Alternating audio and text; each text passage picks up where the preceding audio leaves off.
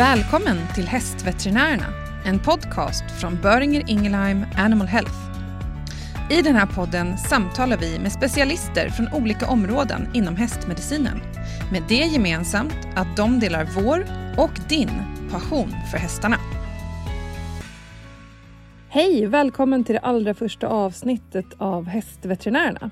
Jag som pratar heter Maria och den här podden är för dig som är hästveterinär eller djursjukskötare eller jobbar med hästsjukvård på ett eller annat sätt. Här kommer vi träffa experter inom olika områden som är intressanta för dig som jobbar med just hästsjukvård.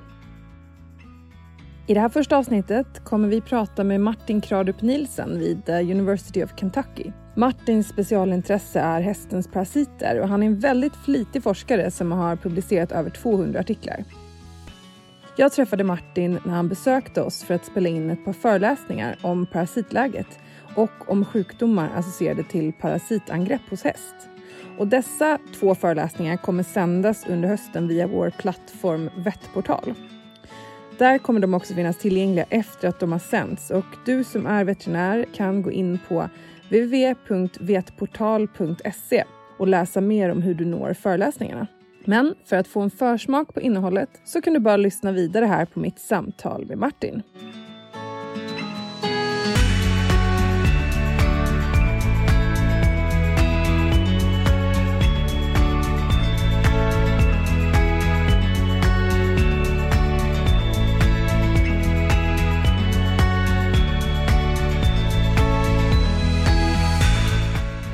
Welcome to the podcast, Martin. Well, thank you very much. So, can you start by telling us a little bit about yourself? What's your background? Um, and what's your sort of uh, horse owning experience? Do you have any? Are you a horse person to begin with? Oh my goodness, yes. Uh, how much time do you have? Because be, uh, I'm very much a horse person. Uh, I definitely grew up, um, you know, in a in a life with horses with my family. My parents had a uh, stud farm with Icelandic horses. My mom ran a riding school for many years. She trained uh, horses. We um, never went on vacations. We never. We always spent our weekends and holidays going to shows like competitions uh, with Icelandic horses.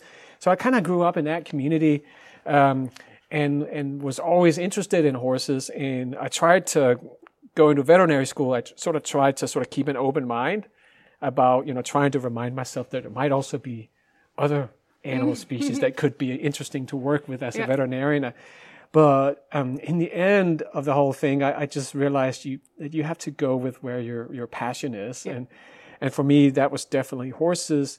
Uh, I like animals in general, uh, as many veterinarians would say. So it's not that. It's not that I dislike any of the other animals, but I was, de- I was definitely more comfortable with horses and, and sort of the whole horse speak, how to speak with clients and all that. I found that a lot easier, how to handle horses and all that, just a lot easier because of the background naturally. Yeah. Um, I got interested in parasites, uh, which is, you know, the question I always get is like, how on earth? You know, that was what, my next question, actually. how on earth did you end up working with parasites? So going to, to veterinary school in Denmark in the 1990s, um, one of the most active and the largest research groups at the time was the parasitology group. They had a a large uh, government grant, um, a, a, basic foundation research foundation grant that um, allowed them to establish a research center, Danish Center for Experimental Parasitology. And they had a bunch of PhD students. I think at one point they had 30 PhD students working on parasitology, uh, wow. uh, various aspects of parasitology. And so as a veterinary student, there were so many opportunities to like get a little job mm. and where you actually would get paid for doing relevant things and uh, helping out with these projects. So I was one of many, many vet students who did so and, and got interested and introduced to parasites that way. At that time in the 90s, um, we had heard the bulletins of this change in uh, legislation that yeah. was coming with the mm-hmm. prescription only. And so, so shifting from over-the-counter availability of the anthelmintic products to uh, having them restricted by prescription only.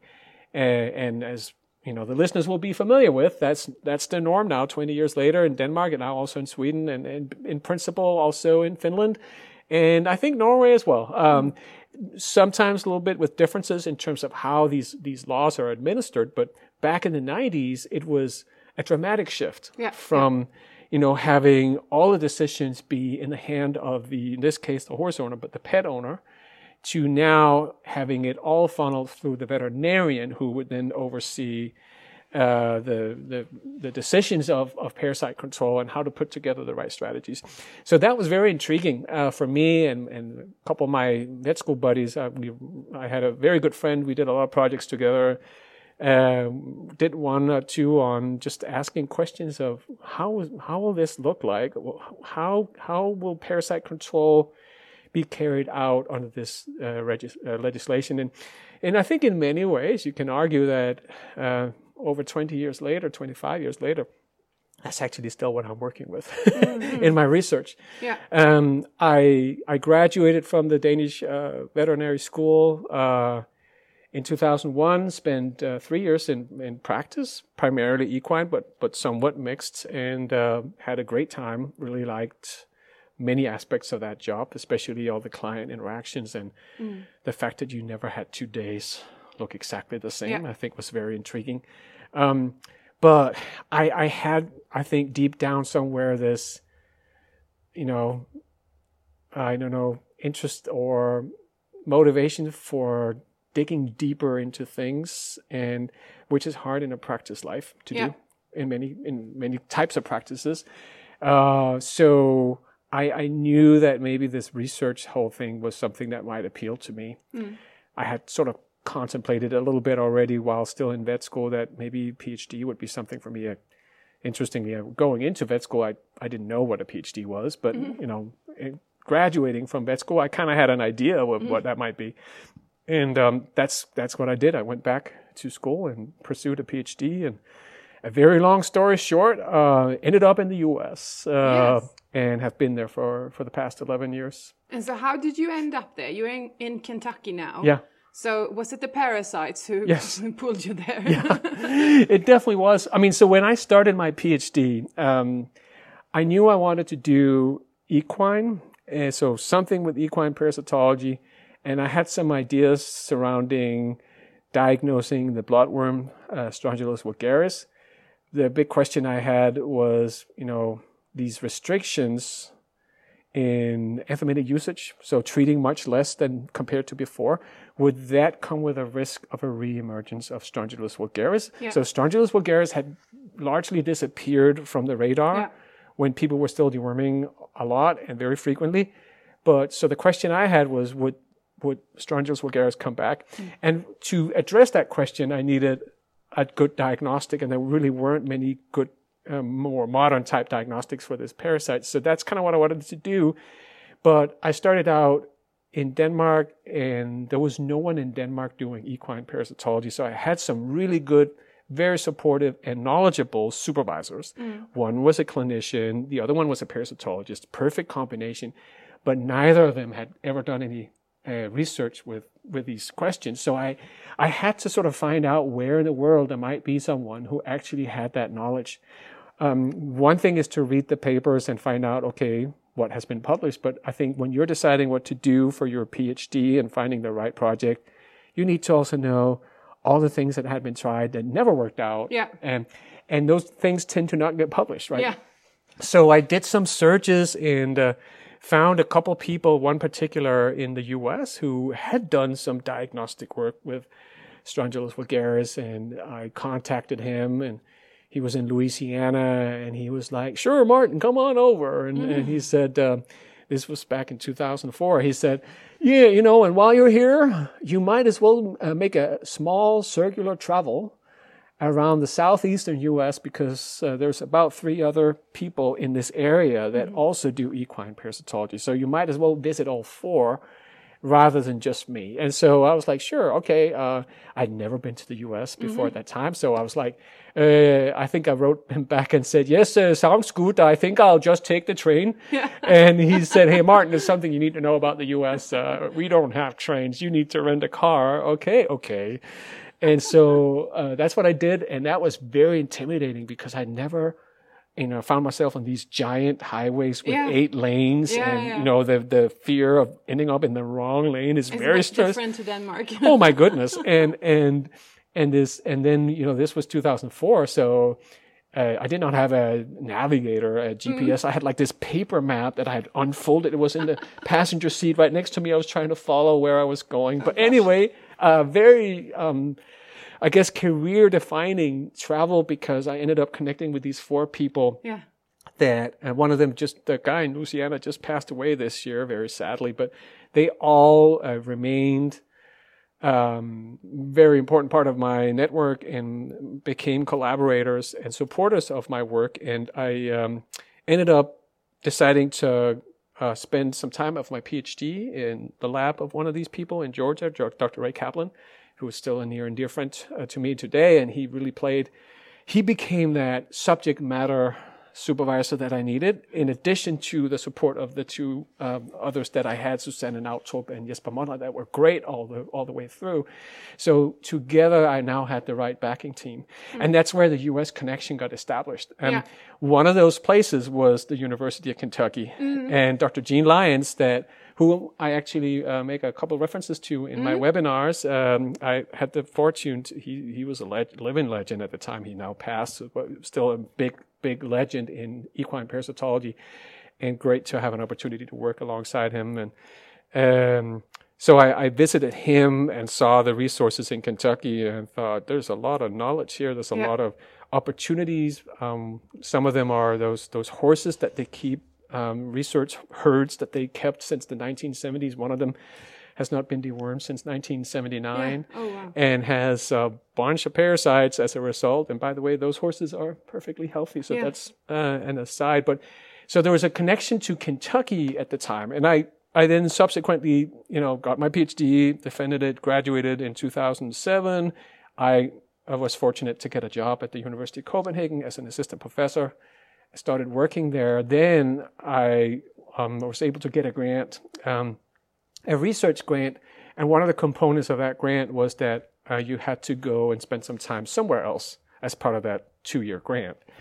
And so I thought, okay, I've been to Georgia. That was great. Now what's next? I need to go something somewhere else, but maybe probably still in the U.S.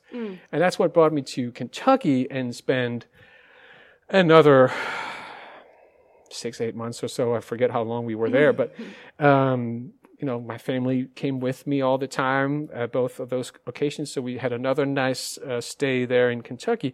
And that's um, doing a couple projects. It's still working on diagnosing the Yeah. bloodworm. And that's where they started the, the people in charge, uh, countryman of yours, Mats Troedsson, who was the chair of the department at the time in Kentucky and director of the Gluck Equine Research Center, asked me the question, uh, "Hey Martin, um, what are your career plans?" And I said, um, "You know, I'm assistant professor in to Copenhagen. Um, you know, think you know, continue that path." And he said, "Well, have you thought about, you know, working in another country?" And and I was like, like for example here, and I said. Um, you need to ask my wife.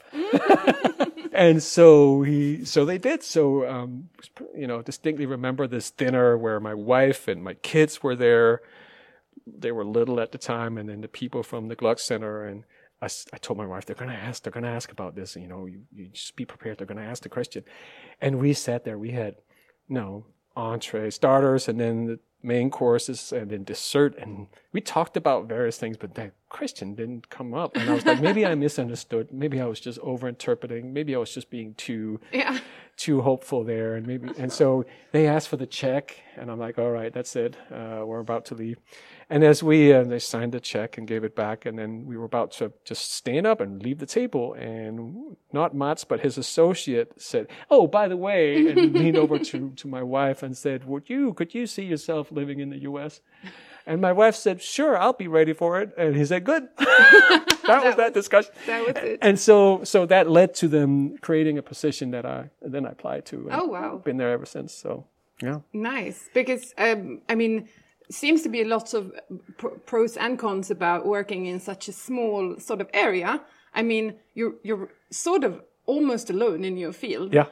but there is so much more to discover. Yeah. and then you have all these other sort of gurus that are so devoted to this that you maybe don't have in a in a broader field. You know what I mean? That they they this is something that you really truly specialize in, and when you specialize, you get super expert. So yeah. inspiring. Uh, yes, I mean, there, there's a couple ways you can look at this. You can say, well, I am one of the leading experts in yeah. equine parasitology in the world, which is true, but it's mostly because there's really not that many of us.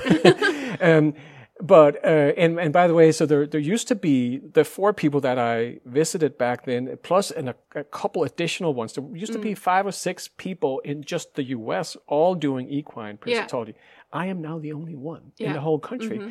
which is kind of as you know, it's it's it's curious, it's interesting, it's sort of weird. So why why is that? I mean, of course, they all either retired or some of them, as I mentioned, passed away.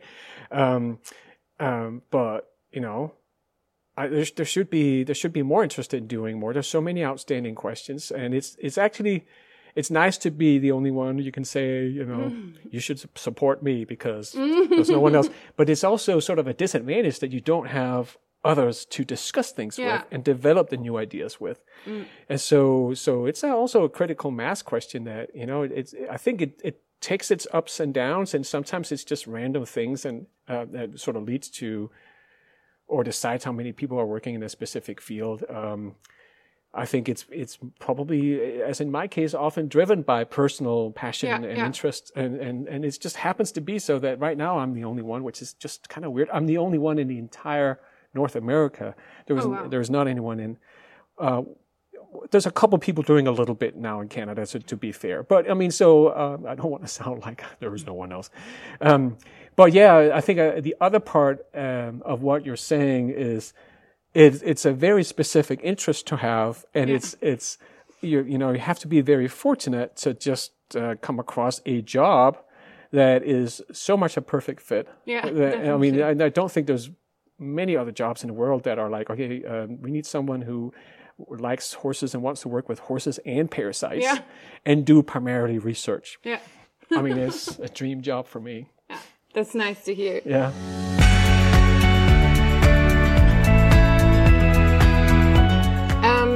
So let's let's uh, talk a little bit about some of the, your research questions. You touched upon the diagnosis of the of the Strongylus vulgaris, and it's uh, it seems to have been an ongoing uh, frustration.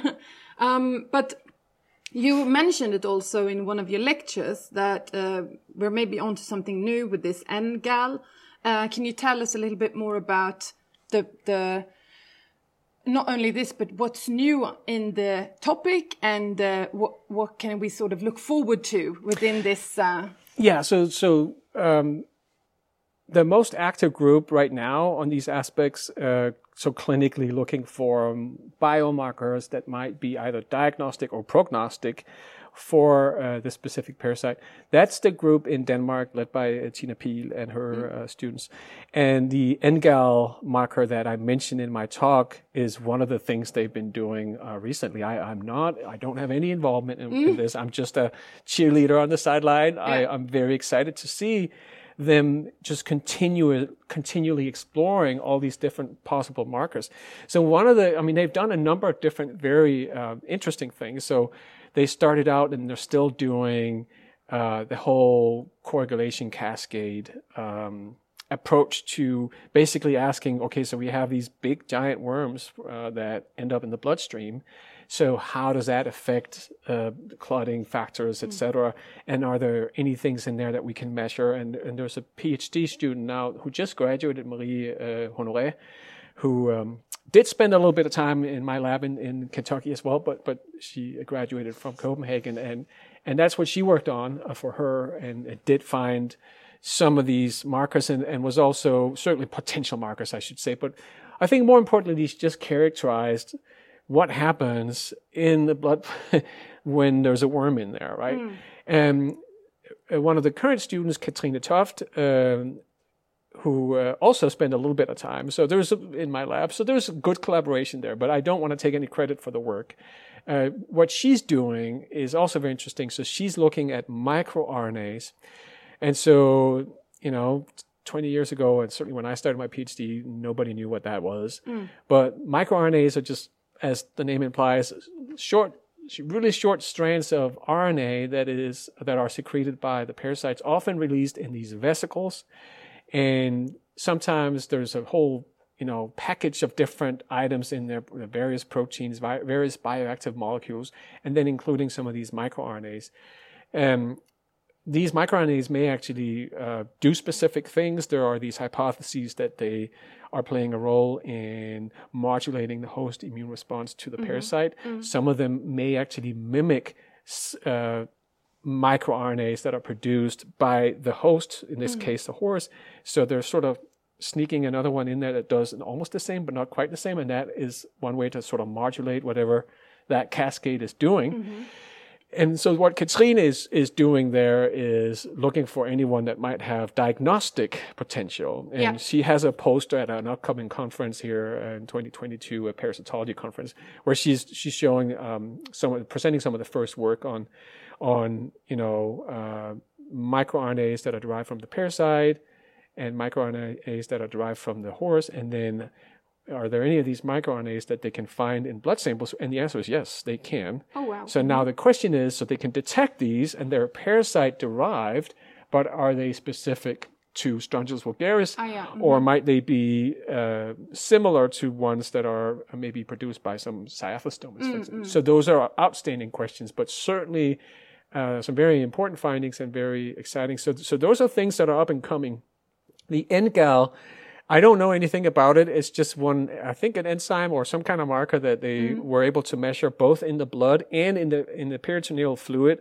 Yeah. Um, in the peritoneal fluid, they found uh, the concentration significantly elevated in horses that had the non-strangulating intestinal infarction, which is the condition that Strongylus vulgaris yeah. is causing.